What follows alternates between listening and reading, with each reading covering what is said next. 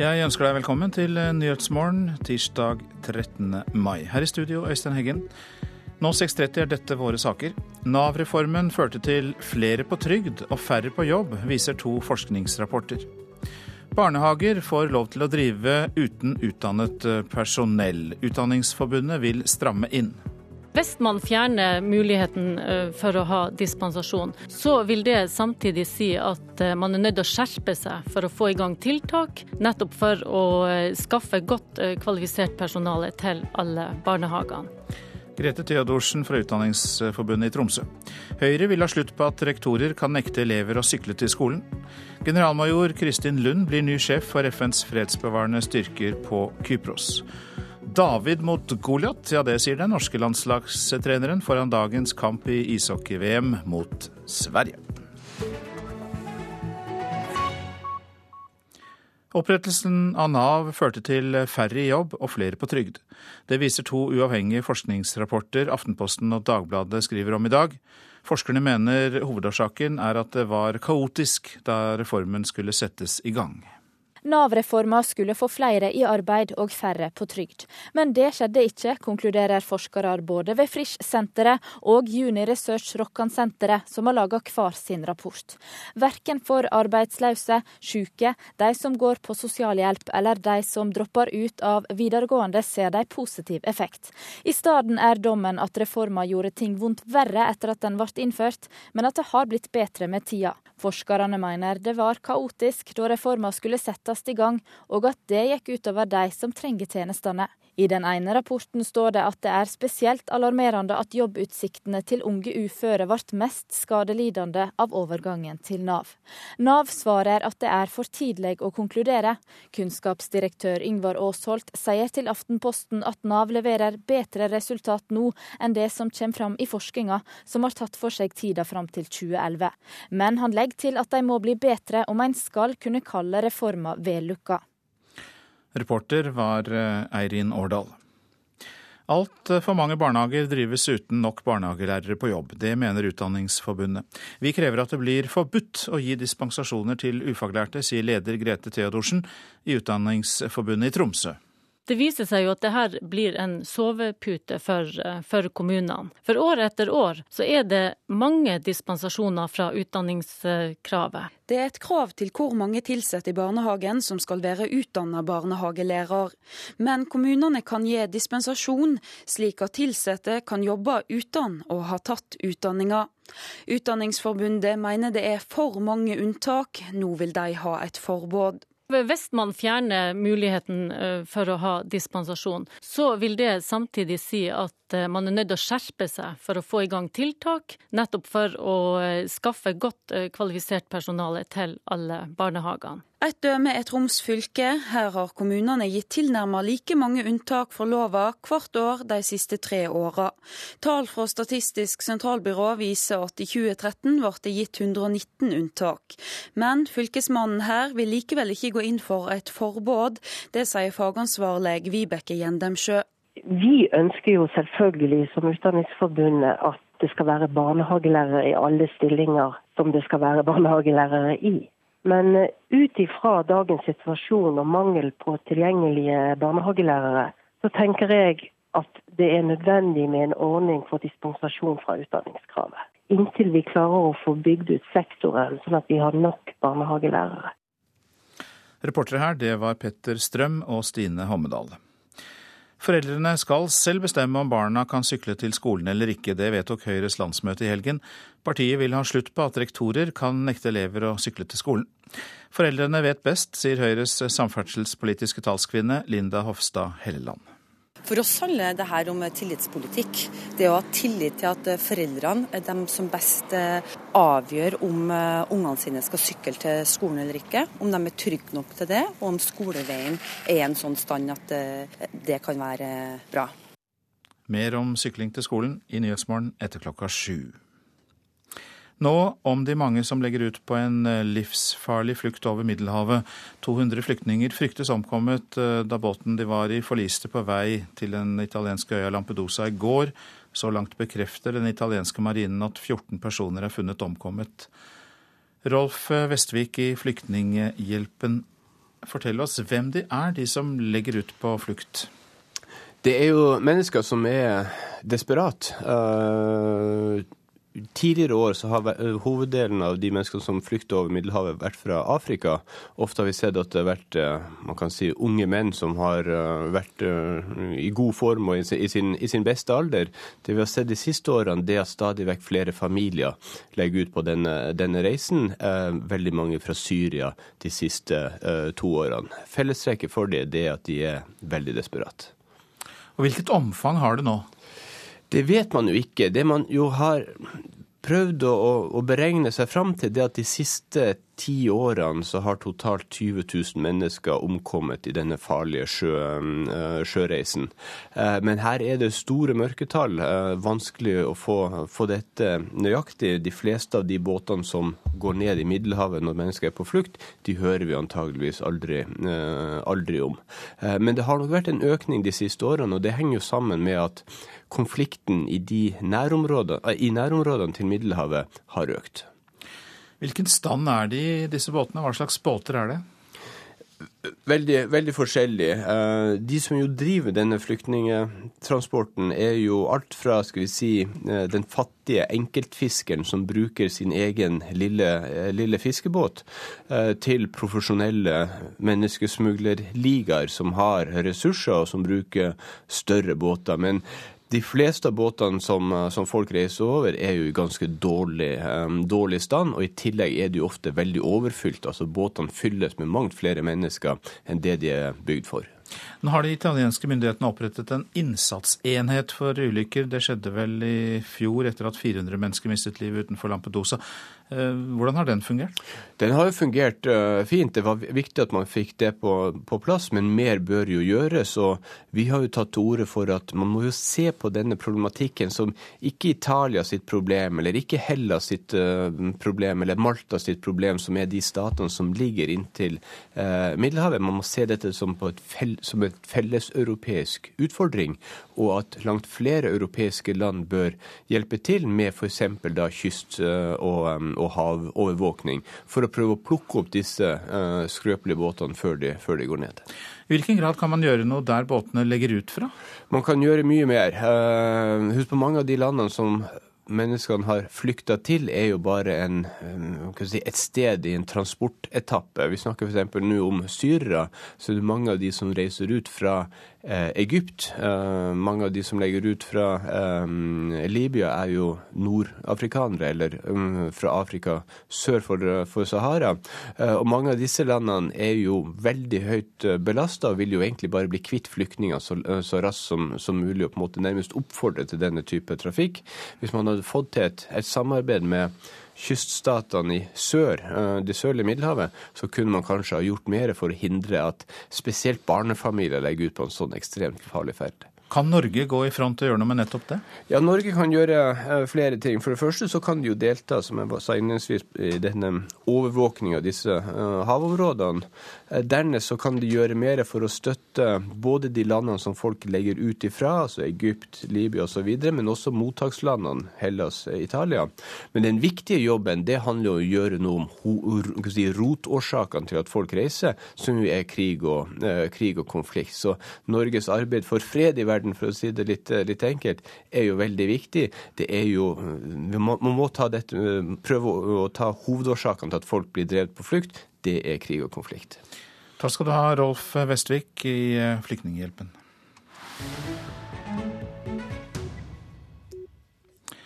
Bemannede amerikanske overvåkningsfly deltar i letingen etter de bortførte jentene i Nigeria, ifølge en kilde i USAs regjering. Flygningene skjer med tillatelse fra nigerianske myndigheter. Ifølge kilden bidrar USA også med satellittbilder fra områdene hvor det antas at jentene kan befinne seg. De over 200 tenåringsjentene ble bortført av den ytterliggående islamistgruppa Boko Haram i midten av april. Den nye sjefen for FNs fredsbevarende styrker på øya Kypros, generalmajor Kristin Lund, sier hun har god erfaring med å henvende seg til kvinner for å få ting gjennomført. FNs generalsekretær Ban Ki-moon la også vekt på kvinneperspektiv da han utnevnte Lund i FNs hovedkvarter i New York i går. Dette er en spesiell dag, sa en uvanlig uformell og munter generalsekretær Ban Ki-moon, der han svinset rundt i sitt eget mottakelsesværelse i påvente av at generalmajor Lund skulle komme inn. Men litt diplomatisk timingtrøbbel la ingen demper på budskapet. Dette er en historisk dag. I de fredsbevarende styrkenes 66 år lange historie har vi hatt en hærskare med menn som øverstkommanderende. Lund er den første kvinnen, sa FNs generalsekretær. Uh, today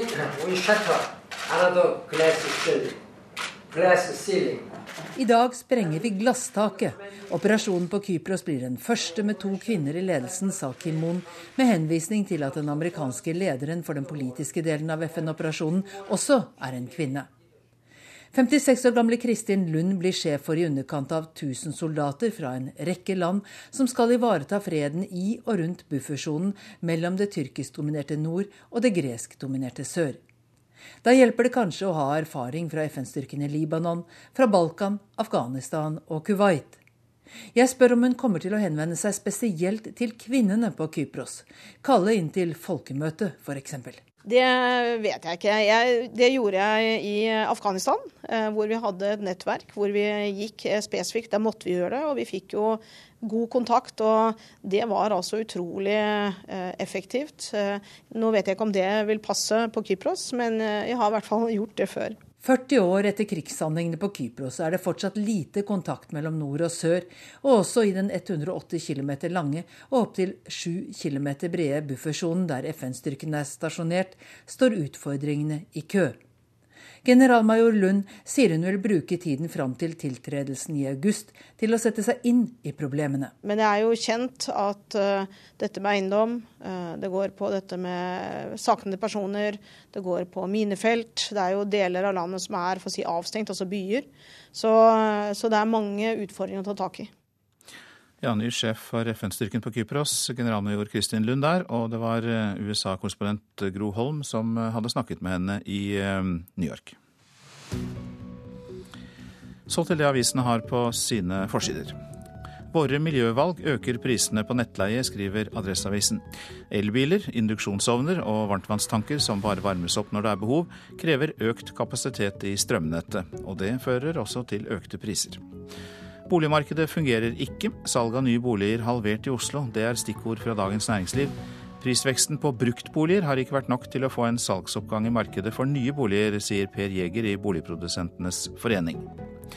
Forbrukerrådet vil ha tydeligere matmerking, er oppslaget i Nasjonen. En av tre forbrukere forstår ikke det som står på produktene, viser undersøkelse. Forbrukerrådet krever at innholdsdeklarasjonene skal bli enklere. Fallskjermavtalene til hele toppledelsen i Sparebank Vest er fjernet, skriver Bergens Tidende. Det samlede beløpet til tidligere administrerende direktør er ikke forenlig med bankens verdigrunnlag, sier nåværende toppsjef Jan Erik Kjerpeseth. Regjeringen driver skremmekampanje i Somalia, skriver Klassekampen. Kampanjen på fire millioner kroner skal fortelle somaliere hvor ille det ville være å dra til Norge, og at asylpolitikken er så streng at det er vanskelig å få opphold. Muslimske skoler kan gjøre at elever faller utenfor det norske samfunnet, sier Arbeiderpartiets Haja Tajik til Vårt Land. Hun sier at det ikke bare handler om å kunne norsk, men også om å kunne sosiale koder og språklige uttrykk. Samfunnsdebattanten Usman Rahman sier derimot at muslimske skoler kan være viktige i kampen mot radikalisering, fordi de kan gi unge riktige kunnskaper om islam. Rektor ved Universitetet i Tromsø, Jarle Aarbakke, kan bli ny ordførerkandidat for Arbeiderpartiet i byen, skriver Nordlys i dag. Ifølge kilder i partiet er han ønsket som utfordrer til Høyres Johan Hjort. Selv sier Aarbakke at han kjenner til ryktene. Russen bader i smuglerøl, skriver Finansavisen. For 3500 kroner kan russen få levert 72 liter polsk øl og 6 liter vodka fra organiserte kriminelle grupper. Koffeinsjokket, det er oppslaget i VG i dag. For mye koffein kan føre til magekramper, ujevn hjerterytme og nedsatt blodtrykk. Det blir David mot Goliat, det sier landslagstrener Roy Johansen før dagens kamp mot Sverige i ishockey-VM i Minsk. Både Norge og Sverige har vunnet sine to første kamper i mesterskapet, men eh, i kveld er Sverige favoritt. Johansen sier likevel at alt er mulig. Sverige har et sterkt lag. De er ranka nummer én i eh, turneringa. Det er jo et tøft oppgjør. Det er David mot Goliat. Men vi må gå ut og prøve. Vi må ha tro på at vi kan få det til. Og alt er mulig i idrett, og alt er mulig i hockey.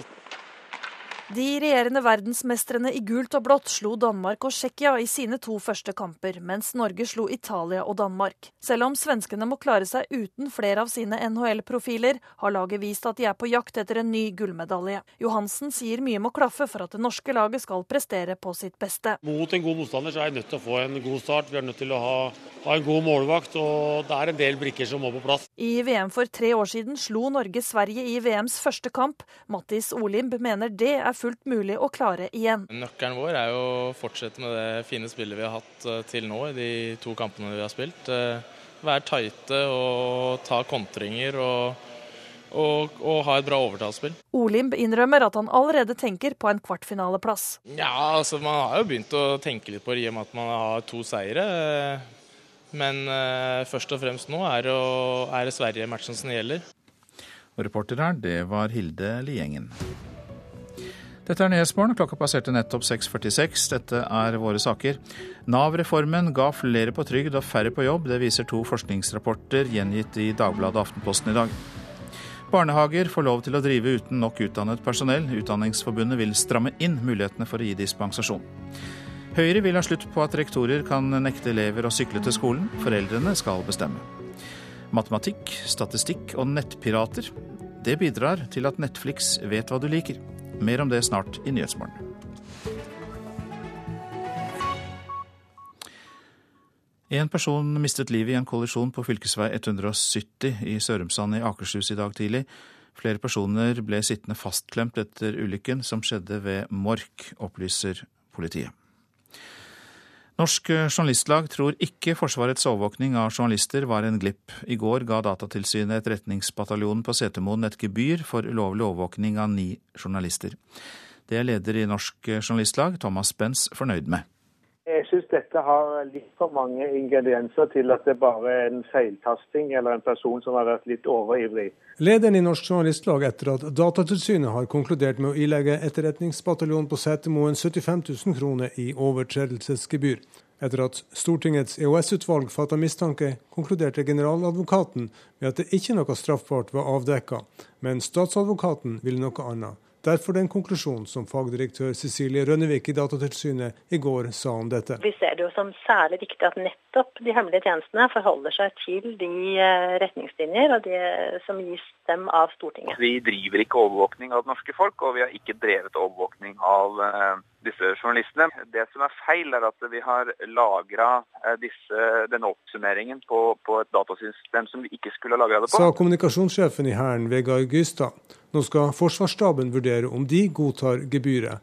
Og Thomas Spens i Journalistlaget vil følge med. Jeg har ikke grunnlag for å si at det verken foregår mer eller mindre. Men det er typisk at når to av landets fremste kritiske journalister eh, finner fram til hemmelig etterretning, finner fram til nye deler av etterretningen, så blir de altså registrert på en ulovlig måte. Så eh, jeg er helt sikker på at det foregår mer enn vi vet, og mer enn vi kanskje vil like å vite.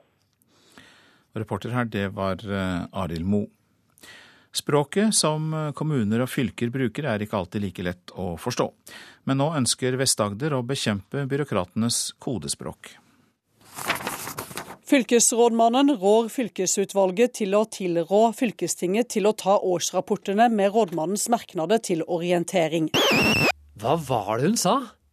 Dette er altså et eksempel på hvordan Vest-Agder fylkeskommune kan formulere noen av sine ting. La oss høre med kommunikasjonsrådgiver Cheryl MacDonald. Ja, Det kan du si. Jeg tenker at her er noen som skal vedta noe, og så må en liksom få med seg alle mulige eventualiteter på hvem det er som skal si noe om det. Og det må kunne sies litt kortere. Kan du komme med et konkret forslag? Nei, det er jo nettopp derfor vi skal sette oss ned og se på hvordan vi kan gjøre det best mulig. Og at det fylkeskommunale språket kan gjøres langt enklere, var det ingen tvil om blant folk på gata. Byråkratspråk er vanskelig. Noen ganger forstår du, og noen ganger kan det være vanskelig. Hva er det som gjør det så vanskelig, da? Nei, Det er vel språkbruket deres. Du mener de har en vei å gå? Ja. Byråkrater bør hva skal jeg si, folkeliggjøre seg litt. Det er noen ganger en stor utfordring å forstå det språket. Nå har jeg tatt en høyere utdanning som sosionom. Så jeg har nok lært meg litt av det byråkratspråket gjennom den utdannelsen. Men jeg syns det er vanskelig. Også ordfører i Hægebostad, Ånen Verdal, får ofte politiske saksfremlegg utarbeidet av byråkrater i fylkeskommunen på sitt bord. Og det er sannelig ikke alltid lett å forstå.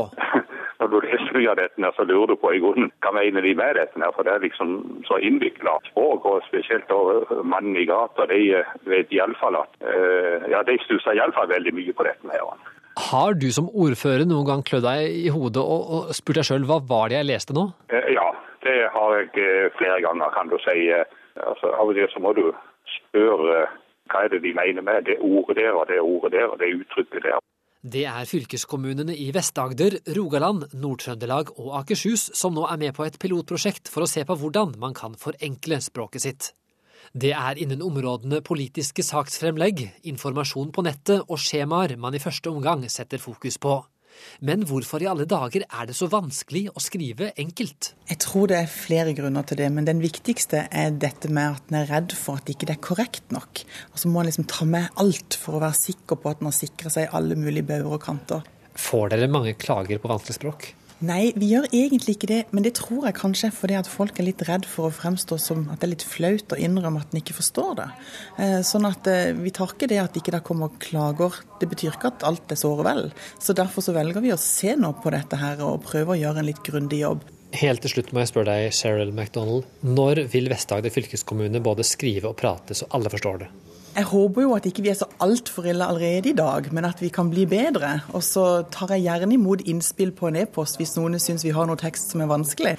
Og så tenker jeg at det å, å, jobbe med dette over tid gjør at vi nok vil bli i hvert fall bedre. Og så, så håper jeg at ikke vi er altfor vanskelige allerede i dag.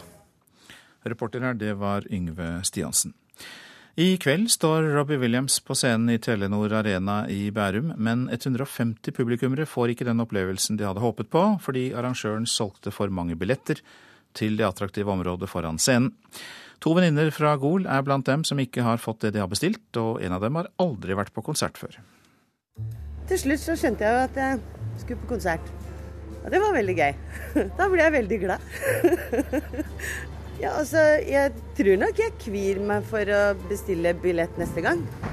Det er ikke noe god start, sånn, sånn sett. Oh, it seemed forever stopped today.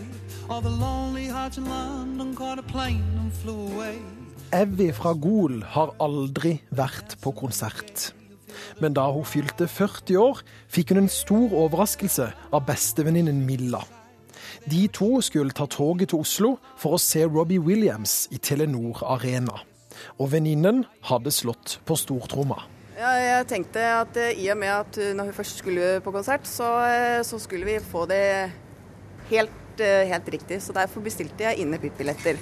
Milla bestilte to av de dyreste billettene i området rett foran scenen. For da visste jeg at da var hun helt fremme hvor hun nesten kunne smake svette. Og det var litt viktig.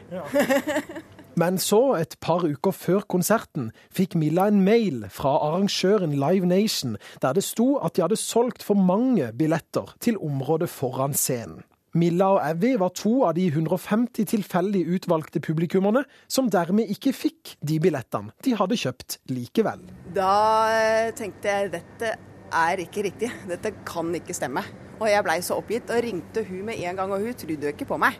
De kunne velge mellom å få refundert billettene eller bli nedgradert til vanlig ståplass lengre borte fra scenen, få utbetalt mellomlegget og få muligheten til å entre arenaen tidligere.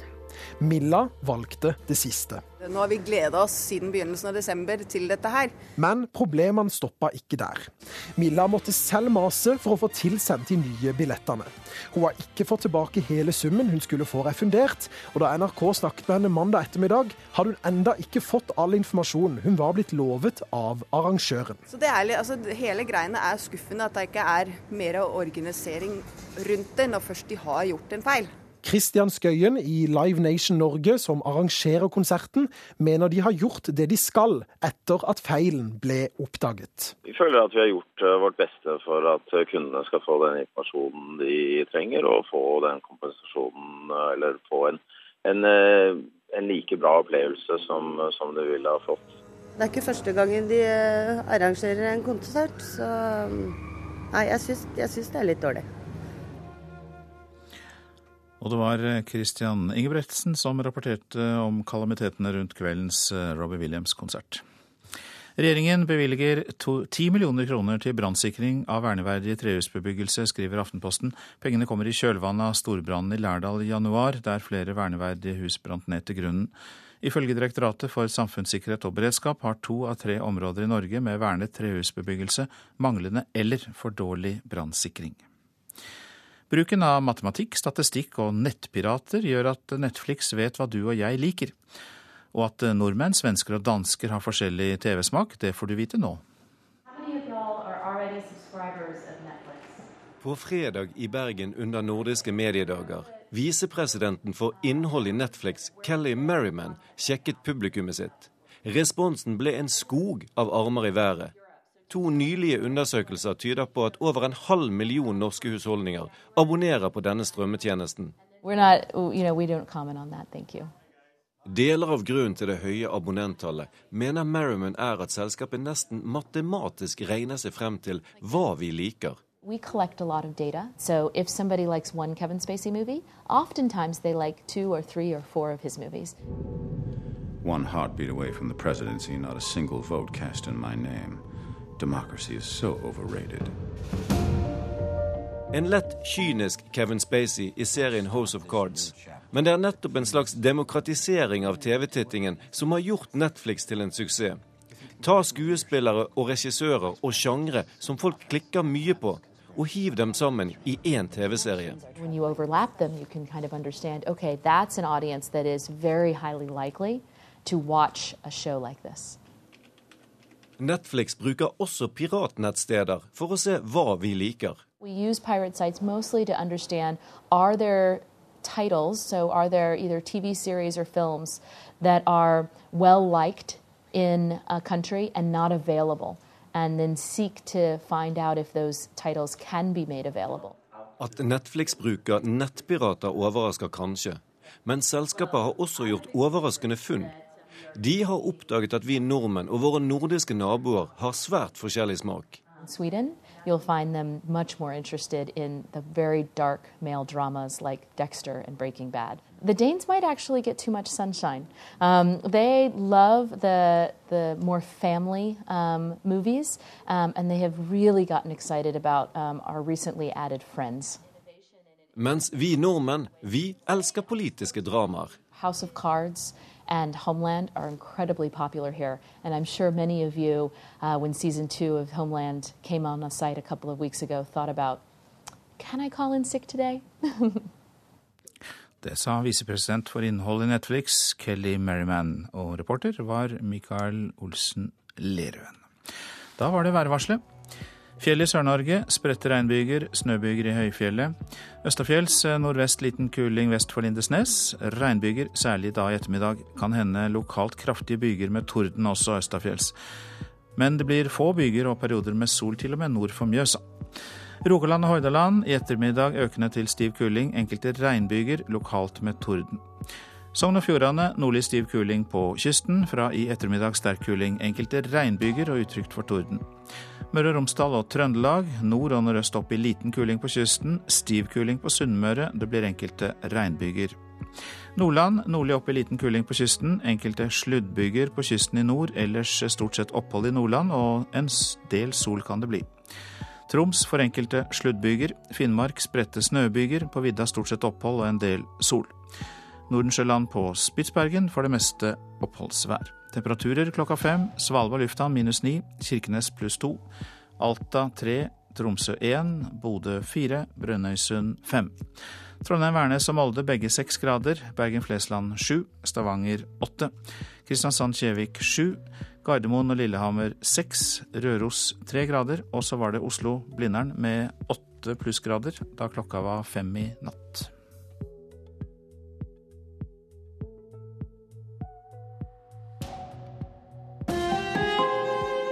Hør ekko. Politiet kommer og henter deg. Du er mistenkt for en alvorlig forbrytelse. Du varetektsfengsles med brev og besøksforbud. I avisene kan alle lese hva du sier i avhørene, og hvor politiet er i etterforskningen. For noen lekker. Politiet Advokatene?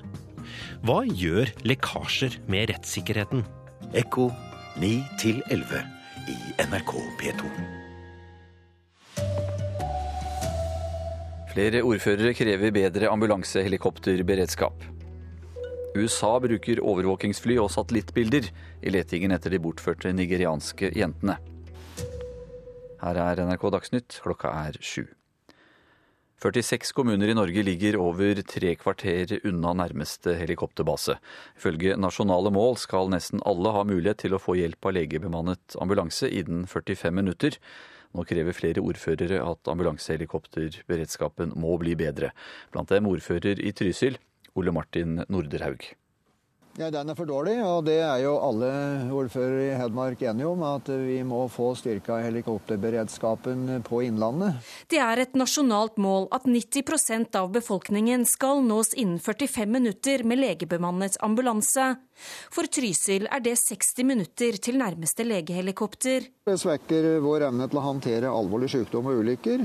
Og det syns jo ikke er noe rimelighet at vi skal, i Østerdalen skal være et svart høl i forhold til resten av landet. Det er jo snakk om at det skal være et likeverdig tilbud. Er det et likeverdig tilbud? Det vil aldri være like raskt å komme til sykehuset når man er i distriktet som det det er hvis du bor ved siden av sykehuset sa fagdirektør Alice Beate Andersgaard i Helse Sør-Øst. De har krevd ny helikopterbase, men ikke fått reporter. Det var Ellen Omland, og det blir mer om eh, dette i Nyhetsmorgen på P2 Alltid nyheter straks.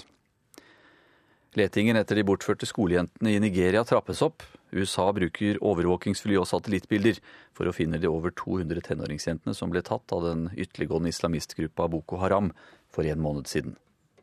The President and First Lady and others believe that we ought to be doing everything we can to assist the efforts of the Nigerian government to find and free these girls. And we are. Presidenten, førstedamen og andre mener vi skal gjøre alt vi kan for å hjelpe nigerianerne finne disse jentene.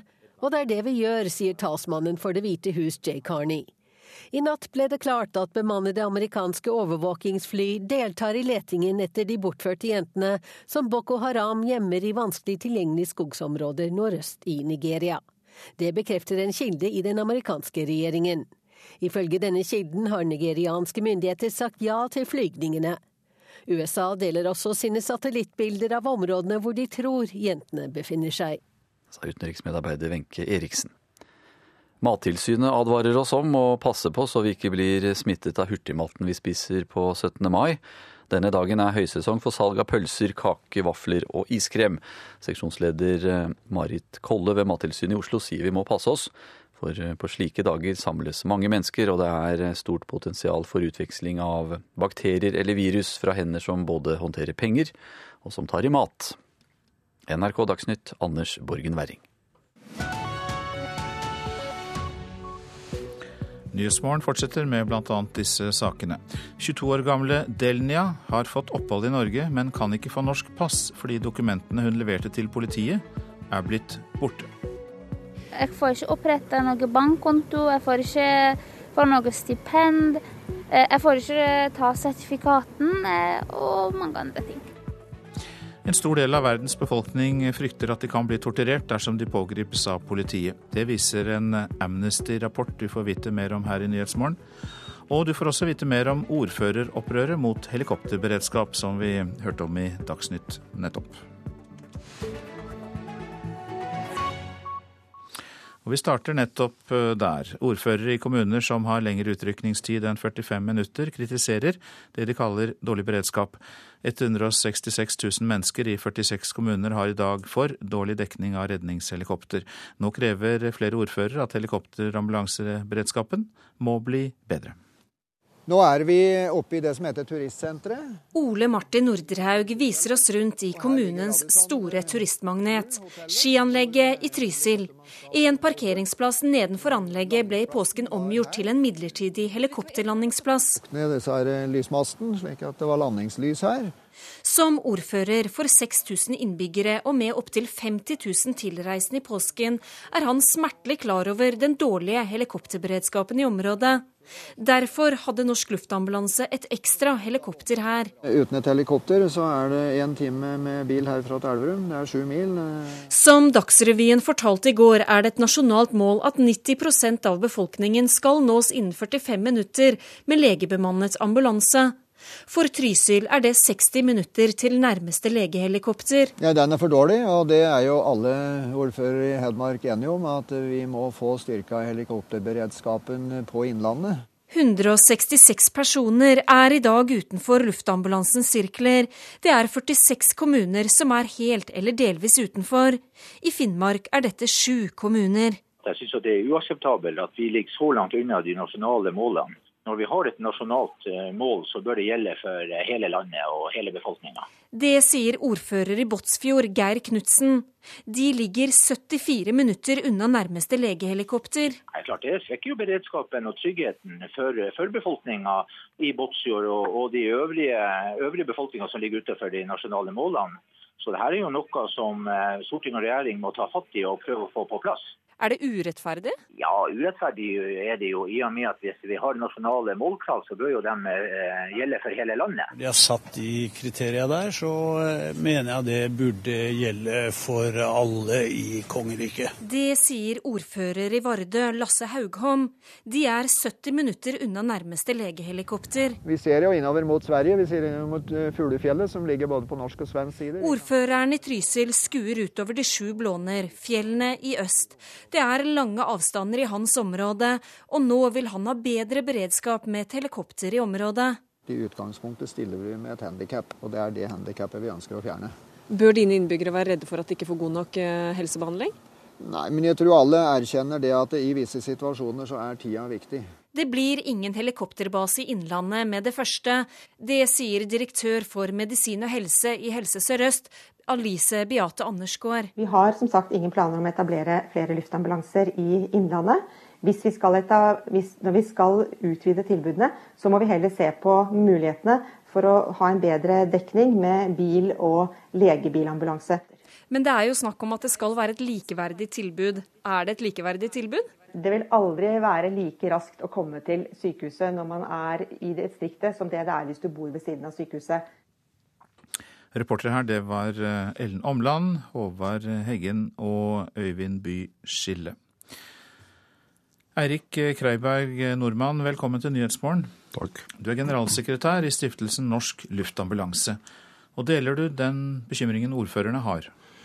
Ja, Fra Stiftelsen Norsk Luftambulanses side så har vi eh, gjennom en rapport sagt at man bør etablere minst tre nye helikopterbaser i Norge den ene den kommer på plass eh, til neste år, og det er på Evenes, altså Midtre Hålogaland. Så har vi sagt at det er eh, dårlig dekning i innlandsområdet og i området Telemark-Agder, altså trukket litt inn mot fjellkjeden der. Eh, de områdene der har vi sagt man i hvert fall bør etablere baser. Eh, og i tillegg har vi sagt at eh, sånn som utviklingen nå er i Finnmark, med økt aktivitet der, eh, så må man nok vurdere også en base i Finnmark. Hvordan vurderer du utsiktene for å få de på plass? Ja, jeg håper at eh, de andre regionene gjør tilsvarende som man gjorde i Helse Nord. Der gjorde man en eh, skikkelig utredning eh, på behovet for luftambulansetjeneste i framtiden, og kom da fram til at det er faktisk et behov i Midtre Hålogaland, og tok konsekvensen av det og etablerer nå basen der. Og vi har anbefalt at de andre regionene, både Midt-Norge, Helse Vest og Helse Sør-Øst, gjør tilsvarende. Og så er det vel et større da, behov for eh, helikopterberedskap nå enn tidligere? Ja da, altså Den medisinske utviklingen og den teknologiske utviklingen gjør at uh, det er mulig å behandle pasienter nå som, uh, ved å, transportere dem raskt til sykehus, som man tidligere ikke kunne behandle på den måten. og det skjer en sentralisering av en del av den avanserte medisinen. og Det betyr at det stilles annet krav til hele ambulansetjenesten, hvorav luftambulansetjenesten er en del av det. Men det er også viktig å understreke at det stilles krav til bilambulanse og annen type ambulansetjeneste også i framtida. Men da tenker jeg at eh, det kanskje kan være et alternativ å ha bedre og mer ekspertise ved flere sykehus? Ja, altså Den ekspertisen ved de større sykehusene den er der, men man kan ikke etablere f.eks. spesialbehandling som f.eks. ved hjerteinfarkt, som tidligere ble behandlet på en helt annen måte enn det jeg tror de fleste forventer at blir gjort i dag, nemlig at man kan gjennom avansert behandling få blokket årene f.eks. hvis det er de som er tette da rundt uh, hjertet. Uh, og, det er behandling som bare kan skje på noen få sykehus, fordi det er dyrt og avansert behandling, og det er, krever særskilt kompetanse. Men så koster det vel også å tette disse sorte hullene, som vi kan kalle dem, bl.a. i Innlandet. Hva vil du tro at det vil koste samfunnet å få da denne bedre helikopterberedskapen? Ja, Det koster jo noen, eh, noen, penger selvfølgelig å etablere en base. Og det koster selvfølgelig også penger å kjøpe et helikopter, men det er av typen investeringer. Det koster ca. 40 millioner kroner å drive en luftambulansebase per år. Eh, og det er omtrent det samme som det koster å drive en gjennomsnittlig sengepost ved sykehusene. Så eh, det kan høres dyrt ut, men, eh, men, sett i den sammenhengen så er det ikke veldig dyrt. Og i tillegg så eh, vil dette kunne gi mange sparte leveår hvis man faktisk kan gi behandling til pasientene som gjør at de enten kommer bedre ut av det f.eks. ved slagbehandling, ved raskere igangsatt behandling, eller at du overlever et hjerteinfarkt i stedet for å få en alvorlig skade, eller i verste fall dø. Takk for at du satte det i perspektiv for oss. Erik Kreiberg Nordmann, som altså er generalsekretær i Stiftelsen Norsk Luftambulanse. Nå om 22 eh, år gamle Delnia som har fått opphold i Norge, men ikke kan få norsk pass fordi dokumentene hun leverte til politiet er blitt borte. Dermed kan hun verken få utbetalt studielån, ta sertifikat eller reise utenlands. Norsk organisasjon for asylsøkere mener problemet kunne vært unngått dersom politiet innfører en kvitteringsordning for asylsøkere som leverer inn originale dokumenter. Jeg vet at ting kan skje, ting kan bli mista, men det kunne vært fint at de kunne ta ansvar eller rette opp etter det eller hjelpe meg med noe. da. At jeg ikke sitter her og venter til evighet. 22 år gamle Delnia Hassania fortviler. Hun kom til Norge fra Iran sammen med sin mor i 2008, og fikk opphold i Norge for to år siden. Hun forklarer til NRK at originale iranske ID-dokumenter ble innlevert til politiet i Fredrikstad dagen etter ankomst. Nå er dokumentene sporløst forsvunnet. Dokumentene er ikke registrert i noen systemer eh, eller eh, i noen dokumenter. Så hvorvidt de er innlevert eller eh, ikke, det kan vi ikke være sikre på. Det sier Merete Beck, som er seksjonsleder for utlendingsseksjonen i Østfold politidistrikt. Delnia og hennes mor fikk ikke kopi av dokumentene, og heller ingen kvittering på at de ble innlevert. Leder i Norsk organisasjon for asylsøkere, Ann Margrit Austenå, sier de er kjent med flere tilfeller av bortkomne dokumenter. Det har dessverre vært eh, en del tilfeller. Vi har ikke ført noen statistikk eh, over dette, men vi har tatt det opp med politiet og også med Sivilombudsmannen. Og etter det jeg forstår, så, så er det eh, rutineforbedringer i gang hos politiet. Politiets utlendingsenhet har skjerpet sine rutiner, og skriver nå kvitteringer til asylsøkere som leverer inn originale dokumenter. Men ordningen bør gjelde overalt, mener Austenå. Det mener vi er helt vesentlig. Delnia og hennes mor har flere ganger vært i kontakt med politiet og etterlyst dokumentene uten resultat. Etter at NRK tok kontakt, har politiet nå bestemt seg for å hjelpe Delnia, forteller Beck. Jeg har jo snakka med Delnia, og jeg har stor forståelse for hennes problem i, i Norge nå, ved at hun ikke har noen ID-dokumenter. Jeg får ikke oppretta noen bankkonto, jeg får ikke får noe stipend. Eh, jeg får ikke ta sertifikaten eh, og mange andre ting. Østfold politidistrikt har derfor hjulpet Delnia med en ny søknad til Utlendingsdirektoratet om utlendingspass, og det er nå opp til UDI å fatte vedtak i saken. Ann Margrit Austenå i NOAS sier det er myndighetenes ansvar å ordne opp, og roser politiet for deres bistand. Det syns jeg er veldig flott, og det er eh, prisverdig, og det er sånn det bør være. Reportere her, det var Kristin Næss Larsen og Kristine Næss Larsen og Vilde Helgesen. Og Så kan du lese mer om denne saken på nrk.no, men vi skal også snakke litt mer om den her. God morgen, Halvor Frihagen. God dag. Du er advokat, jobber med utlendingssaker. og Hvor vanlig er det at dokumenter forsvinner i løslufta på denne måten? Det er i hvert fall ikke sjelden. Det er eh, ikke noe som skjer i noe flertall av saker, heldigvis, men det er noe vi ofte støter på. Hva er årsaken til det? Det er uendelig mange saker, uendelig mange dokumenter som innleveres. Det er mennesker som håndterer dem, og feilarkivering, andre feil, kan selvfølgelig oppstå. Hva syns du om politiets håndtering av denne saken? Det er veldig positivt at de erkjenner feil, ser at det er på deres side feilen ligger, og at de tar tak i det.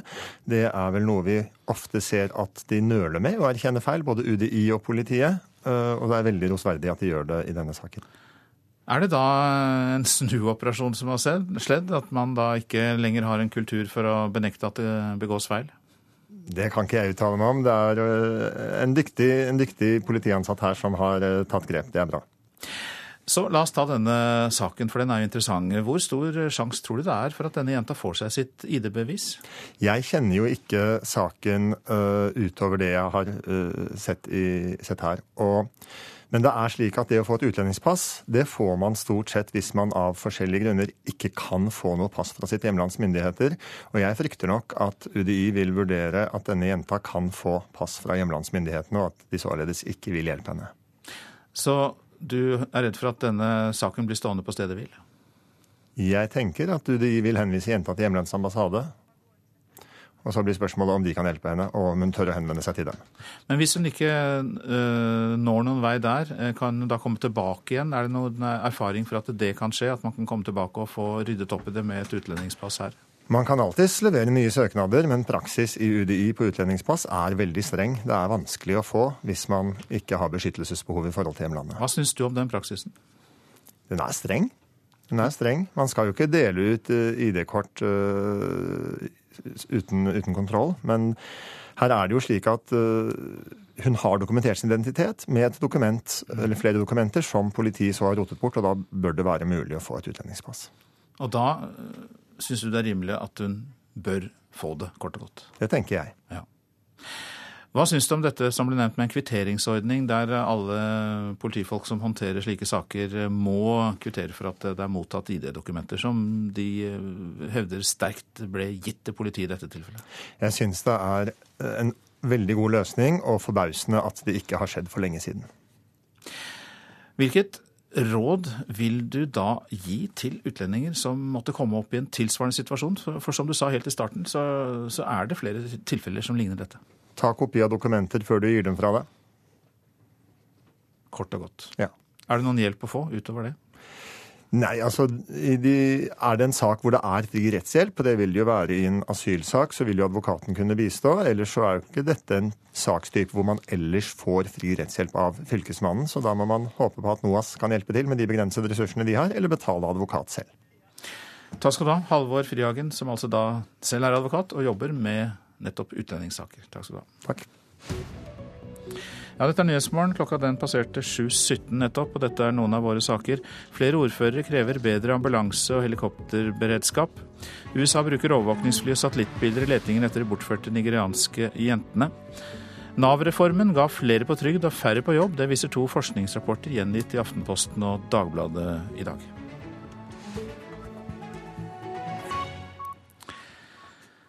Nå om at frykten for å bli utsatt for tortur i fengsel er utbredt. Det viser nemlig en internasjonal undersøkelse som Amnesty har fått gjort. Undersøkelsen er gjort i 21 land, og over 21 000 mennesker er eh, spurt. Og så er det slik at 44% ikke føler seg trygge hvis de skulle bli satt i fengsel. Jon Peder Egenes, eh, hvilke tanker gjorde du deg da du leste om dette? Du er leder for Amnesty i Norge. Ja, For det første så må jeg jo si at eh, folk, disse 44 prosentene, nok faktisk har en realistisk oppfatning av virkeligheten. Tortur er så utbredt uh, i så mange land at uh, det er nok ikke det er nok ikke en overdrivelse når 44% i disse 21 landene frykter for at de vil bli torturert dersom de blir arrestert.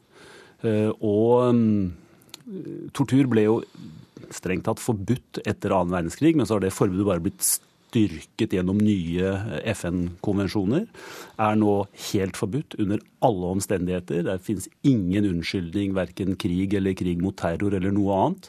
Og allikevel så registrerte vi tortur eller annen mishandling i 141 land eh, i de siste fem årene. Så, så dette er en, en, kamp vi er nødt til å ta igjen. Amnesty starter en verdensomspennende kampanje i dag, som vi har gjort noen ganger før. En av dem førte til torturkonvensjonen.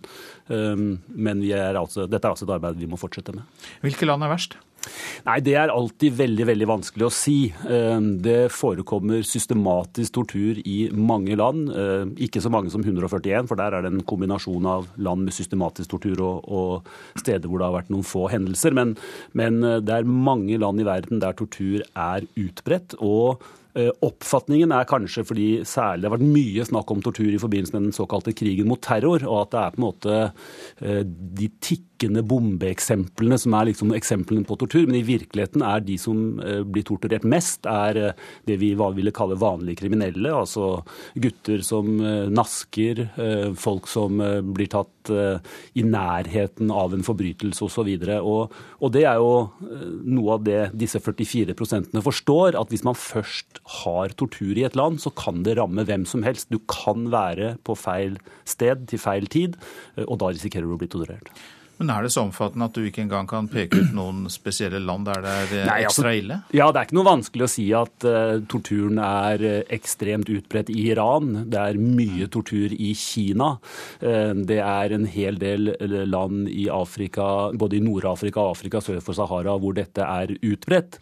Men så er det jo også tilfeller som vi vet at man har brukt tortur i USA de siste, siden 2001. Så det er ikke heller slik at det bare er forbeholdt disse landene som vi kanskje ser på som de vanlige mistenkte. Det kan være overraskende for mange nordmenn kanskje at 44% av de spurte da ikke føler seg trygge for tortur hvis de skulle bli satt i fengsel. Altså i disse 21 landene som er eh, undersøkt. Men vet du noe om hvordan utviklingen har vært når det gjelder eh, dette, det bruken av tortur? Nei, altså det som det ser ut som eh, når vi nå ser på dette på nytt og, og, har gått grundig inn i det, det er nok dessverre at det har stått ganske stille. Vi har hatt en oppfatning av at dette var en kamp som vi sakte, men sikkert vant. Um, så ser vi at selv om 155 land har sluttet seg til tortur, torturkonvensjonen og altså sagt vi skal forby dette helt og holdent, mm. så, så, er det gjenstridig. Og I tillegg til det så har vi etter 2001 fått nye stater, med USA kanskje i spissen, som på en måte undergraver forbudet ved å si at tortur er ikke bra, men i noen tilfeller er vi helt nødt til å bruke det fordi det kan eh, redde liv. Og Når man begynner på den veien, eh, så vet vi hvordan det går. Det har vi etter hvert dokumentert godt. Det har vært hundrevis av folk på Guantánamo f.eks. som har vært utsatt for tortur, og som er sendt hjem fordi de var helt uskyldige. Takk skal du ha, Jon Peder Egenes eh, fra Amnesty. Ja, Vi skal hjem igjen til noe hverdagslig og langt mer eh, fredelig, nemlig sykling til skolen. Foreldrene skal selv bestemme om barna skal sykle dit eller ikke. Det vedtok Høyres landsmøte i helgen, for de vil nemlig ha slutt på at rektorene kan nekte elever å komme seg til skolen på to hjul. Sjuendeklassingene William og Edmund sykler til skolen hver dag, uansett vær. Jeg sykler til skolen fordi det er trening og det går fortere. Men på Disen skole i Oslo er det kun sjette- og sjuendeklassingene som får lov til å bruke to hjul på skoleveien. Edmund synes han måtte vente lenge før han kunne ta sykkelen i bruk. Alle klarer å sykle til skolen når de er eh, åtte år, liksom. Det er ikke det største problemet. Og det mener også Høyre, som på sitt landsmøte i helga vedtok at foreldrene, ikke rektorene, skal få bestemme når barna er klare for å sykle til skolen. Det handler om å ha tillit til foreldrene, og at det er foreldrene som er kjenner ungene sine best og vet om eh, de er trygge nok til å sykle til skolen. Sier Linda Hofstad Helleland, samferdselspolitisk talskvinne i Høyre. Men hun møter motstand. Selvfølgelig så, så, så, tror jeg jo at foreldrene kjenner sitt barn eh, best. Det tror jeg jo. Men jeg tror at det blir veldig ulik praksis blant elevene. Og jeg tror kanskje noen elever kan presse foreldrene sine til å gi tillatelse fordi de andre i klassen har fått lov til å sykle. Rektor på Disen skole, Grete Kvalheim, følger rådene til Trygg Trafikk, som sier at barn først i 10-12-årsalderen har forutsetninger for å kunne sykle i et vanskelig trafikkbilde. Er det mange som sykler sammen, så eh, kan det være lett å glemme seg. Glemme å, å, å se seg for, og farlige situasjoner kan skje. Har du forståelse for en rektor som ikke tør å slippe elevene sine løs i trafikken? Jo, jeg forstår eh, godt eh, den bekymringa de har. Men jeg ønsker at vi skal ha en avklaring hvor langt skolene og FAU skal kunne gå eh, i å avgjøre at barna ikke kan sykle til skolen. For meg handler det om å gi foreldrene tillit. Linda Hofstad Helleland fra Høyre til slutt der, og reportere Anne Mone Nordahl og Siv Sandvik. Så til det avisene har på forsidene. Sjokkrapporter om Nav kan vi lese om i både Aftenposten og Dagbladet. Nav-reformen ga flere på trygd og færre på jobb. Reformen svikter de unge og har skapt kaos. Ja, Det viser altså forskningsrapportene. Jeg tror vi ville vært bedre stilt i dag uten Nav-reformen, sier trygdeadvokat Anders Andersen til eh, Aftenposten. Våre miljøvalg øker prisene på nettleie, skriver Adresseavisen. Elbiler, induksjonsovner og varmtvannstanker som bare varmes opp når det er behov, krever økt kapasitet i strømnettet, og det fører også til økte priser. Boligmarkedet fungerer ikke, salget av nye boliger halvert i Oslo, det er stikkord fra Dagens Næringsliv. Prisveksten på bruktboliger har ikke vært nok til å få en salgsoppgang i markedet for nye boliger, sier Per Jeger i Boligprodusentenes forening. Forbrukerrådet vil ha tydeligere matmerking, det er oppslaget i Nasjonen. Én av tre forbrukere forstår ikke det som står på produktene, viser undersøkelse. Forbrukerrådet krever at innholdsdeklarasjonene skal bli enklere. Fallskjermsavtaler til hele toppledelsen i Sparebanken Vest er fjernet, skriver Bergens Tidende. Det skjer etter det store beløpet som tidligere administrerende direktør fikk, og som ikke er forenlig med bankens verdigrunnlag, sier nåværende toppsjef Jan Erik Kjerpeseth. Regjeringen driver skremmekampanje i Somalia, skriver Klassekampen. Kampanjen på fire millioner kroner skal fortelle somaliere hvor ille det ville være å dra til Norge, og at asylpolitikken er så streng at det er vanskelig å få opphold. Muslimske skoler kan gjøre at elever faller utenfor det norske samfunnet, sier Arbeiderpartiets Hadia Tajik til Vårt Land. Hun sier at det ikke bare handler om å kunne norsk, men også om å kunne sosiale koder og språklige uttrykk. Rektor ved Universitetet i Tromsø, Jarle Aarbakke, kan bli ny ordførerkandidat for Arbeiderpartiet i byen, skriver Nordlys.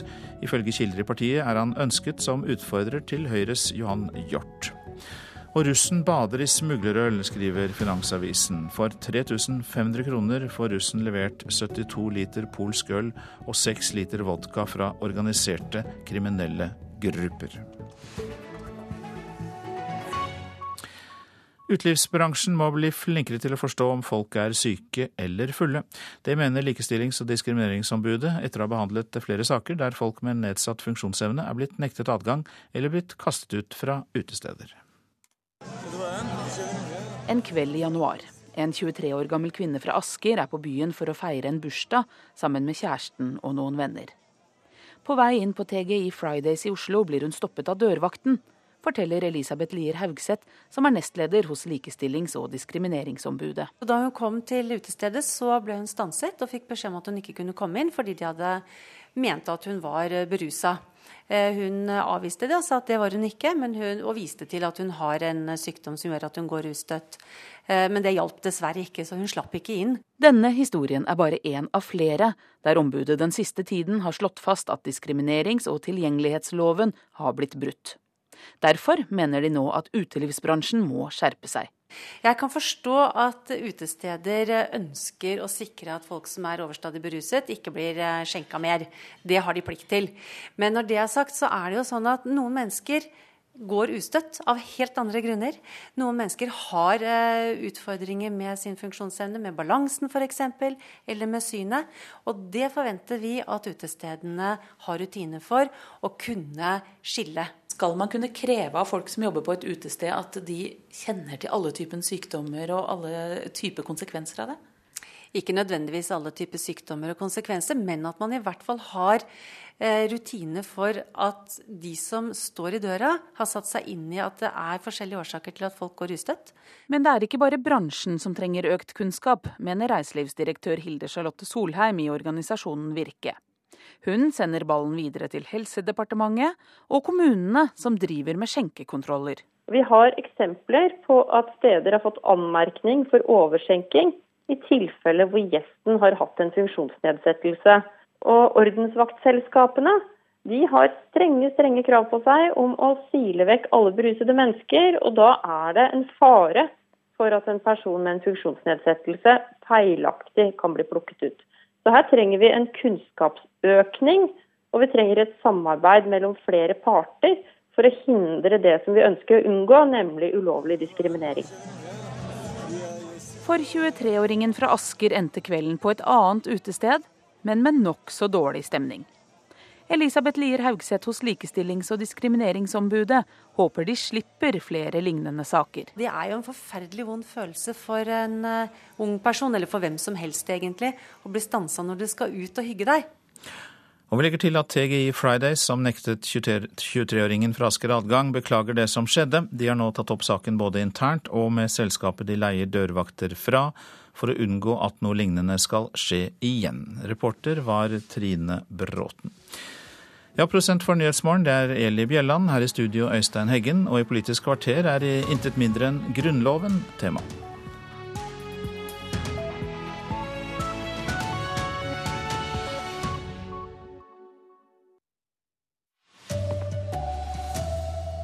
Ordførere krever bedre beredskap for ambulansehelikoptre. Politiet rotet bort ID-papirene til en flyktning. Nå får hun verken pass eller førerkort. Det er foreldrene som skal bestemme om barna kan sykle til skolen, ikke rektor, mener Høyre. Her er NRK Dagsnytt, klokka er 7.30. Myndighetene har som mål at nesten alle skal kunne nås med redningshelikopter innen tre kvarter. Men 166 000 mennesker i 46 kommuner er for langt unna en helikopterbase til å få hjelp innen 45 minutter. Og det holder ikke, mener flere ordførere.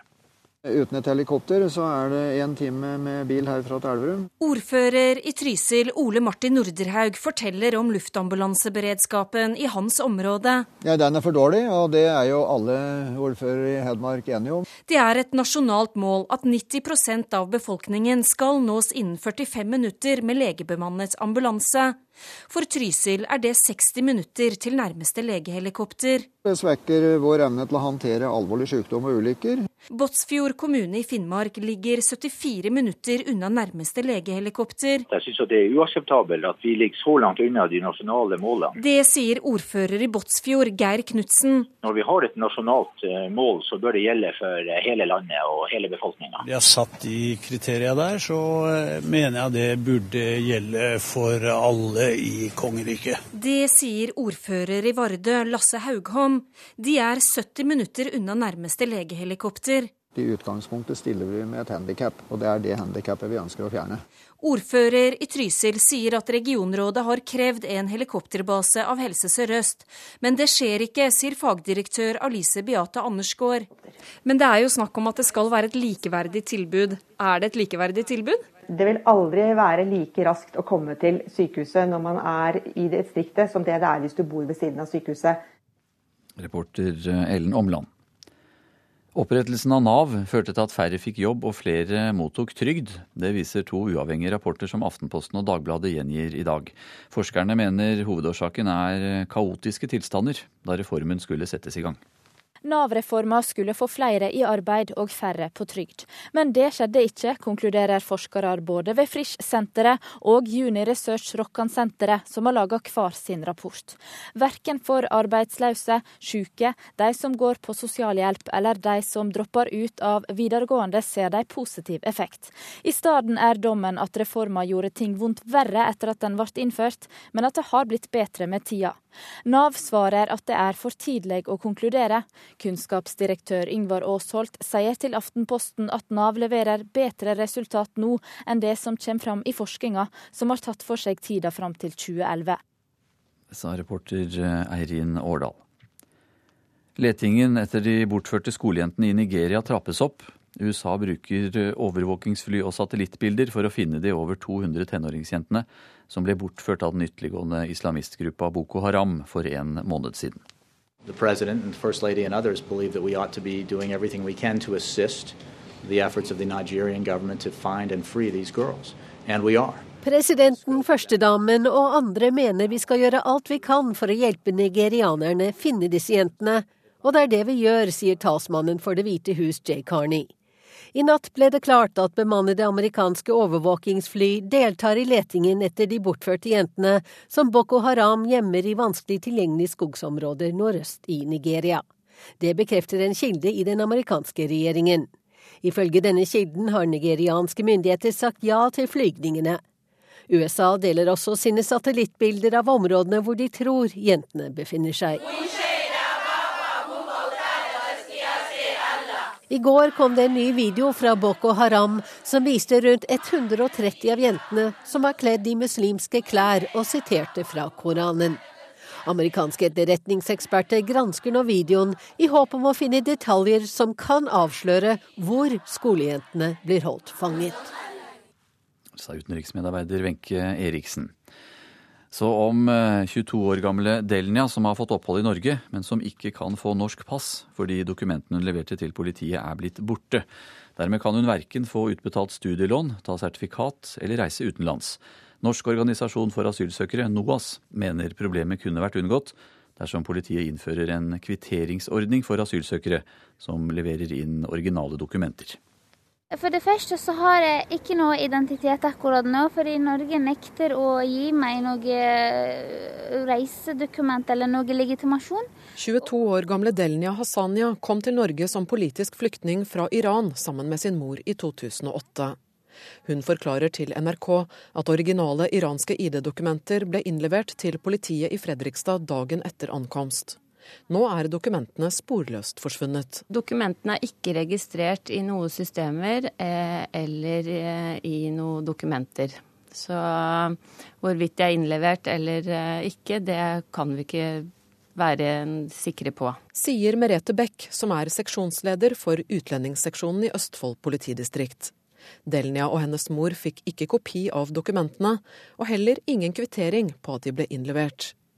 Leder i Norsk organisasjon for asylsøkere, Ann Margrit Austenå, sier de er kjent med flere tilfeller av bortkomne dokumenter. Det har dessverre vært eh, en del tilfeller. Vi har ikke ført noen statistikk eh, over dette, men vi har tatt det opp. Politiets utlendingsenhet har skjerpet sine rutiner og skriver nå kvitteringer til asylsøkere som leverer inn originale dokumenter.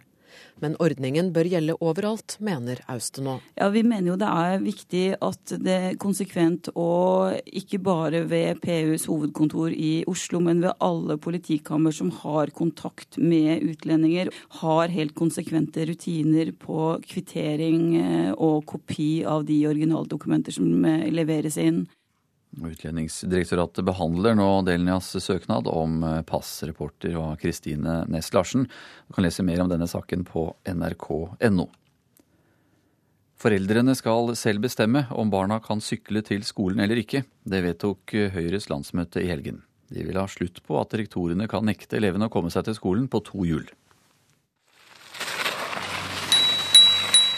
Sjuendeklassingene William og Edmund sykler til skolen hver dag, uansett vær. Jeg sykler til skolen fordi det er trening og det går fortere.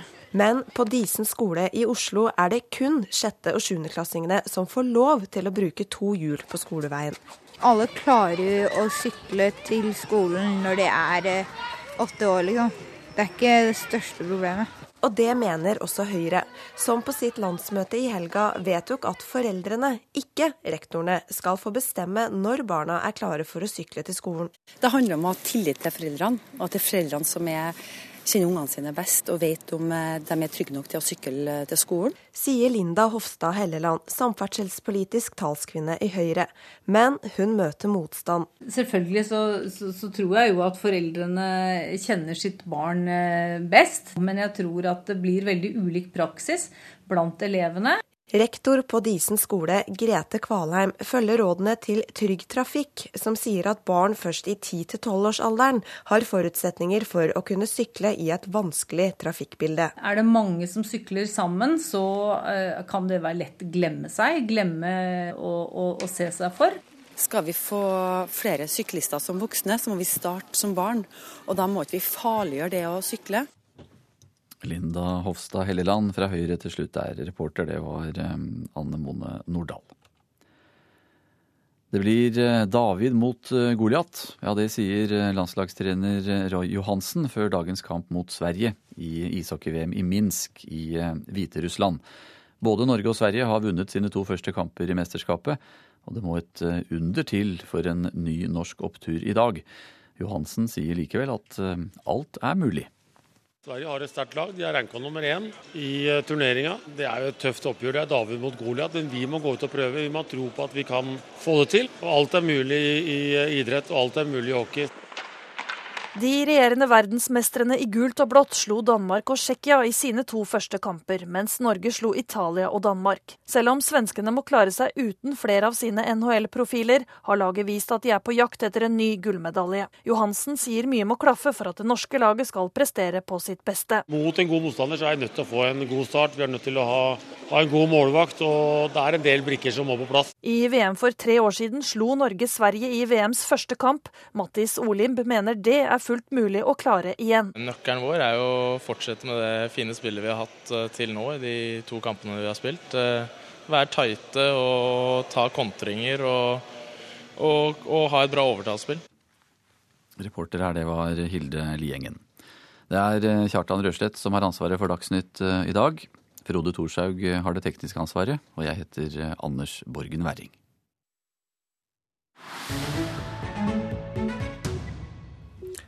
Nå til Danmark her i Nyhetsmorgen.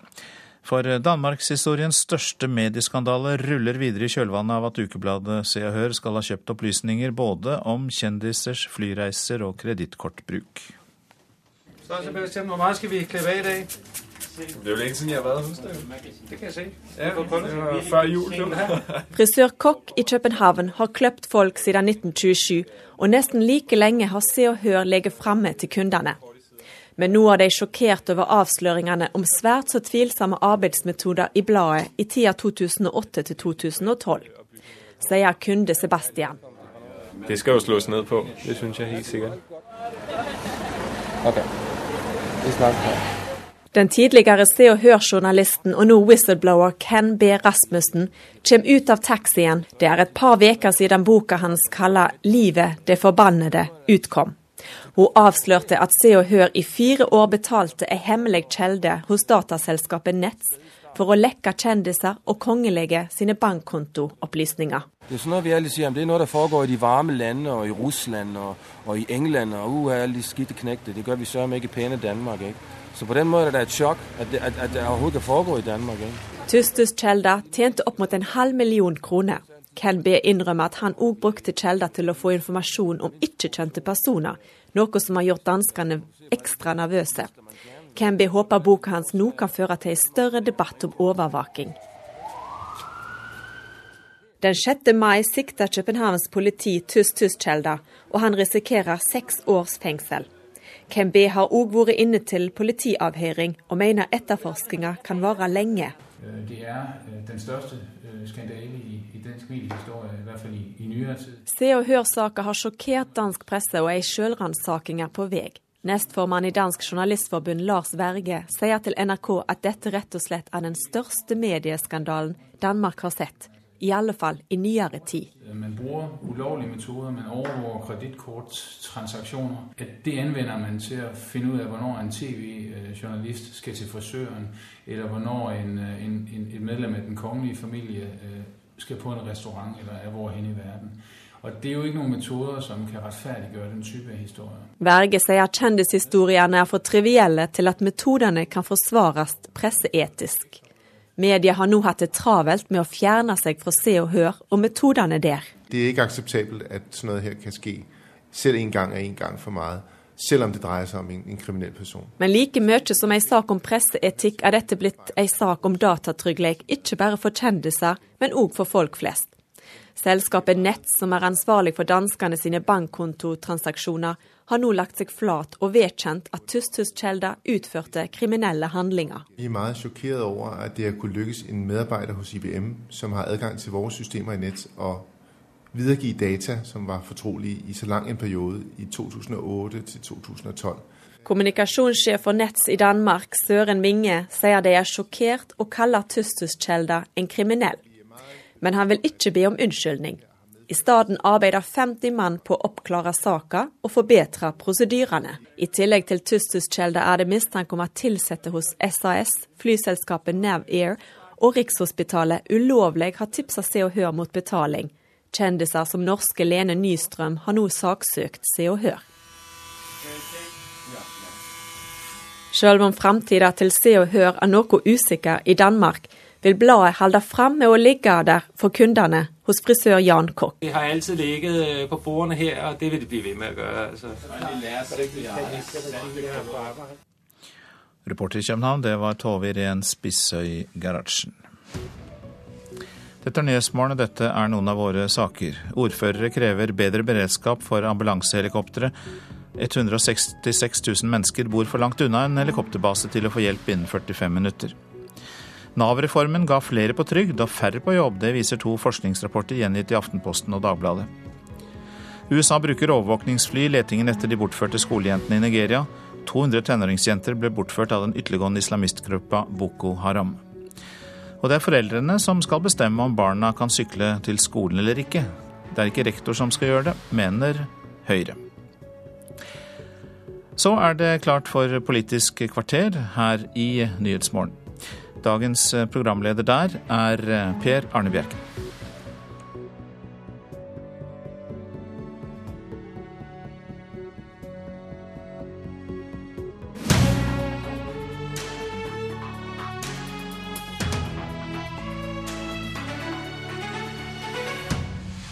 De mest omfattende endringene av Grunnloven siden 1814, sier Martin Kolberg.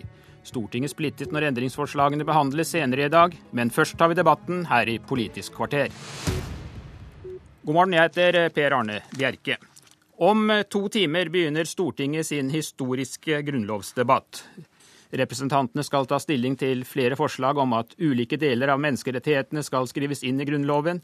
Stortinget kommer bl.a. til å vedta en formulering om retten til utdanning, mens andre forslag om sosiale rettigheter og rett til helsehjelp blir blokkert av de to regjeringspartiene, fordi grunnlovsendringer jo krever to tredjedels flertall.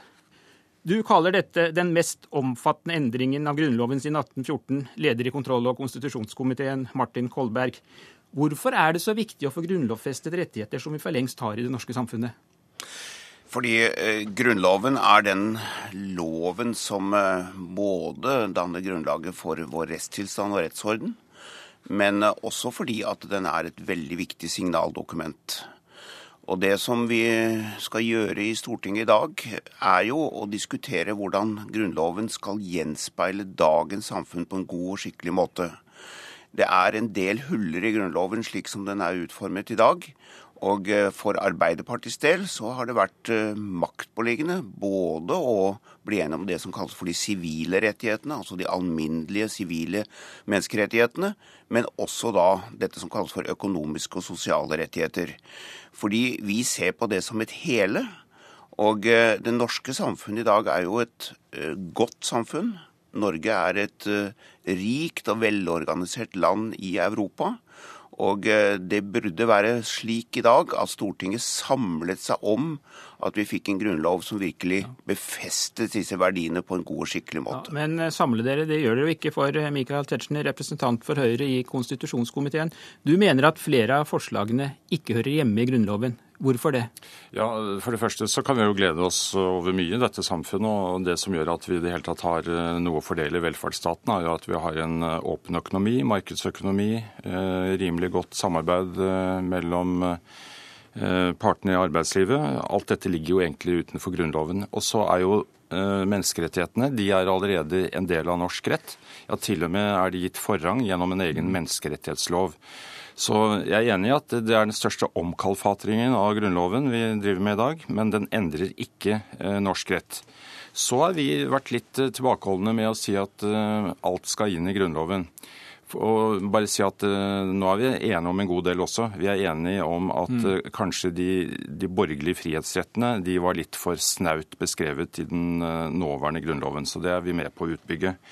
Når det så gjelder eh, Eh, de eh, bestemmelsene som går på eh, statens handleplikter, så mener vi at vi skal være veldig varsomme med å ekskludere dem fra vanlig politikk, for det er det vi gjør. Vi overlater jo da eventuelt, hvis noen skal forfølge disse rettighetene, så blir jo det Høyesteretts domene. Og vi ønsker å beholde mer løpende debatt om prioritering i samfunnet. Det ønsker vi å forbeholde Stortinget. Ja. Kolberg, er ikke en del av de eh, formuleringene, disse rettighetene dere vil ha inn, rene politiske spørsmål som passer bedre i et partiprogram eller en regjeringserklæring enn det de gjør i Grunnloven? De passer begge steder. Og det er det som er uh, vårt uh, ettertrykkelige poeng. Uh, jeg mener at det som er den store mangelen med grunnloven vår i dag, er at den ikke gjenspeiler dagens velferdssamfunn. Og også høyresida sier jo at velferdssamfunnet er, en, er, de delaktige i. De har historisk vært med på å skape den, sier de. Og de mener at de støtter den i dag. Og hvorfor den da ikke skal få en rettmessig plass i Grunnloven, stiller jeg meg helt uforstående til. Og Dessuten er det slik at uh, Tetzschner og Høyre de går jo med på noen av disse rettighetene. Altså De velger noen, men de utelater andre. Og eh, Det bare viser at de har et noe schizofrent syn på prinsippene knyttet til dette. For På den ene sida sier de at det ikke betyr noe, fordi at eh, vi har disse, allerede disse bestemmelsene inn i norsk rett i sin alminnelighet.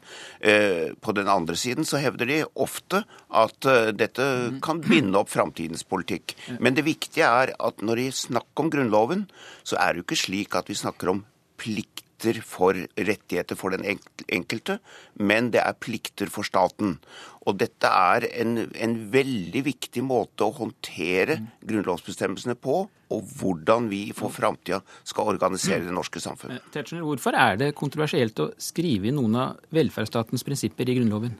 Nei, det er ikke kontroversielt, men det er et forskjellig rettspolitisk syn her. Og ved å skrive bestemmelser som allerede følges, og som allerede er en del av norsk lov, men som i dag ligger i menneskerettighetsloven. Og menneskerettighetsloven har faktisk også forrang fremfor andre regler. Så betyr det at vi rettsliggjør eh, veldig mye av politikken. Og Så kan jeg jo selvfølgelig godt ta til med den kritikken at ikke vi har vært helt konsekvente. At vi har gått inn for eh, barns rettigheter og rett til utdanning. Eh, vi, vi, hvis vi hadde vært veldig konsekvente, så hadde vi kanskje også eh, vært skeptisk til å, å, å gjøre det. Bortsett fra at det var lite respektfullt, syns jeg, å bli kalt schizofren. Men jeg skal bare kort fortelle hvorfor vi gjør det. Fordi det gjelder nemlig starten av livet. Eh, barns rettigheter og rett til utdanning. Og Da mener vi at det, det grenser opp til de egentlig borgerlige frihetsrettene at samfunnet er aktivt og påser at vi mm. har en utgangslikhet, en sjanselikhet i samfunnet. Så Det er grunnen til at vi på disse punktene da har avveket fra vår egen lære. Ja. Vi skal eh, slippe til eh, tredjemann i panelet, Hans Fredrik Grøvan fra Kristelig Folkeparti. I denne saken stemmer jo dere ikke sammen med Høyre og Fremskrittspartiet, men støtter eh, forslagene fra venstresiden. Hvorfor vil du ha menneskerettighetene inn i Grunnloven? Det er veldig viktig for eh, Grunnloven at vi tar inn menneskerettighetene for å styrke deres posisjon i, i vårt samfunn. Her har vi hatt et grundig arbeid som Lønning-utvalget har eh, mhm. gjennomført. En god begrunnelse for hva som defineres som sentrale menneskerettigheter. Og Da syns vi det er viktig eh, å vise at eh, alle disse menneskerettighetene, både de sivile og politiske, økonomiske og sosiale, de er med på eh, å skape et, et, samfunn hvor vi viser at vi har respekt for menneskerettighetene, ikke bare i vårt eget land, men også når vi snakker om menneskerettigheter ute i den store verden. Og Derfor syns vi at dette, å ta inn disse sentrale rettighetene, er et veldig viktig prinsipp. Og vi risikerer også at tar du vekk noen, sånn som Høyre her foreslår, så svekker du faktisk menneskerettighetenes posisjon i, i, vårt land. Og det kan vel ikke være meninga med det arbeidet vi gjør nå. Du nevnte Lønning-utvalget, og forslagene til endringer bygger jo på en innstilling fra Stortingets menneskerettighetsutvalg, ledet av din avdøde partifelle Inge Lønning Tetzschner. Hva er det som har skjedd med Høyre det siste året, siden dere nå går imot flere av disse endringene? Ja, Nå var det ikke et partipolitisk sammensatt utvalg. Eh, det satt eh, fem personer. Slik at eh, representantene må få anledning til å ta stilling til det på fritt grunnlag. Jeg mener også de har gitt eh, betydelige bidrag. Eh, særlig i diskusjonen om de sosiale og politiske rettighetene, som vi nå bygger ut og gjør mer komplett. For det er jeg enig i at den nåværende grunnloven hadde noe snau omtale av dette. Men så ser vi jo at på noen punkter så har utvalget løpt inn i en del problemer som vi nå i komiteen eh, da rydder litt opp i. Annet var det ikke så enkelt den domstolsprøvingen da den skulle skrives inn i Grunnloven. Den har vi jo som sedvanerett. Og så er det en unntaksregel på, i paragraf 115 som vi da heller ikke kan gå inn på nå. Og det er jo faktisk en alvorlig svekkelse av Grunnloven. Den har jeg notert av at Arbeiderpartiet er for. Og den vil jo faktisk være et gedigent skal vi si, forbehold for alt det flotte som sies om de andre bestemmelsene. Vårt syn er nemlig det. Vi ønsker konkrete bestemmelser på individplan som tas alvorlig, og som ikke bare kan røskes ut når det passer politikerne gjennom en unntaksbestemmelse. Og Så er jeg glad for at vi komiteen i dag også tilrår eh, at vi ikke eh, tar imot forslaget om derogasjon, som også lå fra utvalget. Altså dette at vi gitt i tilfelle kan sjalte ut det aller meste av Grunnloven, fordi det hadde vært meget farlig nettopp i en situasjon hvor Grunnloven trengs, nemlig krig og krisetid. Kolberg. Ja, Det er til uh, Høyres uh, utvikling. Uh, det er riktig som det blir sagt her. altså Det var jo Lønning som sto i spissen for, for dette. Ikke bare fordi at det var et partipolitisk uavhengig utvalg nedsatt av presidentskapet, men det var jo Lønning selv som hadde sterkt initiativ og brant for dette. Og han satt jo midt inne i den tradisjonen som Høyre alltid har hatt når det gjelder forholdet til Grunnloven. Per Kristian Foss var eh, entusiastisk i den forrige kontrollkomiteen for å få disse forslagene eh, lagt inn til behandling. Men det er den nåværende gruppen i Høyre, under Tetzschners initiativ og eh, sikkert ledelse på dette området, som altså på vesentlige områder har snudd, og som har forandret et hovedsyn. Og Det som blir skillet i dagens debatt, det er nemlig akkurat dette. Og her er Grøvan og jeg helt enig. Det, det, som eh, viser seg, er nemlig at sentrum-venstre, for å mm. bruke slikt uttrykk, og det er ganske presist i denne sammenhengen, de vil være for et helhetlig grep for menneskerettighetene. Vi må ha inn både de sivile, men også de økonomiske og sosiale. For det er vanskelig å tenke seg at du skal ha menneskerettigheter hvis du ikke har god helse, eller hvis du altså ikke har utdanning. Utdanning får vi med, helse får vi f.eks. ikke med. Vi får heller ikke med uh, vitenskap og kultur. Eh, dessverre, vil jeg si, absolutt at Høyre liksom går imot at vi skal ha eh, gardering for fri vitenskap. Og det som blir det historiske i dag, er at vi får vedtatt en rekke ting. Jeg understreker det, er enig i det. Men at høyrepartiene blokkerer altså en hel pakke, og det er de som må sitte med det historiske ansvaret for at vi ikke får dette helt i mål i dag. Grøvan, hvor overrasket er du over Høyres og Fremskrittspartiets holdning i denne saken? Eller Fremskrittspartiet har jeg ment hele tiden, men over Høyres holdning? Ja, jeg må si at jeg har vært eh, overraska, og jeg vil også si skuffa, eh, over at ikke de har gått eh, lenger i forhold til de eh, sosiale og økonomiske rettighetene. Eh, vi trodde at dette var sentrale menneskerettigheter. Eh, og når en da snakker om å inkorporere disse i Grunnloven, så burde de hatt en sentral plass. Og vi skal ikke overse eh, situasjonen i forhold til at vi nå risikerer at vi tar inn noen og ikke andre. Og at en da stiller spørsmål er ikke disse rettighetene som rett til helsehjelp, eh, rett til asyl osv. like viktige fundamentale menneskerettigheter eh, som rett til utdanning eh, og de sivile og politiske. Og Det er også et signal i forhold til de landene som vi snakker med når det gjelder menneskerettigheter. I tillegg så bare må jeg også få nevne en annen viktig paragraf eh, som har vært av stor betydning for KrF å få på plass, og det ser også ut til å bli, og det er paragraf 92, der vi også henviser til de traktatene som Norge har signert og ratifisert. Det er også et viktig signal, sånn at ikke det vi vedtar nå, blir en light-versjon av menneskerettighetene, men blir de samme menneskerettighetene som de internasjonale konvensjonene eh, sier noe om. Tetzschner, her angripes det jo fra ja, begge sider. Nei, men det er, er, man, man, eh, har liksom ikke helt uh, fått med seg at uh, det vi står for, det er altså uh, et ønske om å konsentrere Grunnloven om det den skal være, nemlig at den regulerer forholdet mellom statsorganene, regjering, storting. Der er den en spesiallov, ganske detaljert. Så legger den grunnlaget for demokratiets spilleregler, og så legger den grunnlaget for rettsstaten ved å eh, ta inn mer politisk eh, pregede formuleringer som tas eh, direkte opp fra konvensjonsbestemmelser, som vi for øvrig er bundet av mer detaljert. Eh, hvis man vil vite mer om eh, hvordan norske samfunn egentlig er innrettet, så skal man gå dit. Men ved å få disse overordnede bestemmelsene som er uten nærmere innhold, så svekker vi hele loven, også de som er veldig nødvendige for individrettighetene. Og det er en lovgivningsteknikk vi, vi er uenig i. Eh, bare spørre Kolberg, Er det noe du ikke har fått med deg her? Nei, det er nok ikke det. Og øh, jeg brukte kanskje litt, litt uheldig uttrykk i stad. Øh, men det er jo ikke logikk i det Tetzschner sier her, i forhold til hva han selv foreslår. For han aksepterer altså noen formuleringer på arbeid, på miljø og på utdanning men aksepterer ikke andre, slik som Grøvan helt presist og riktig sier. Og Det skaper altså en delt forestilling om hva det er som foregår.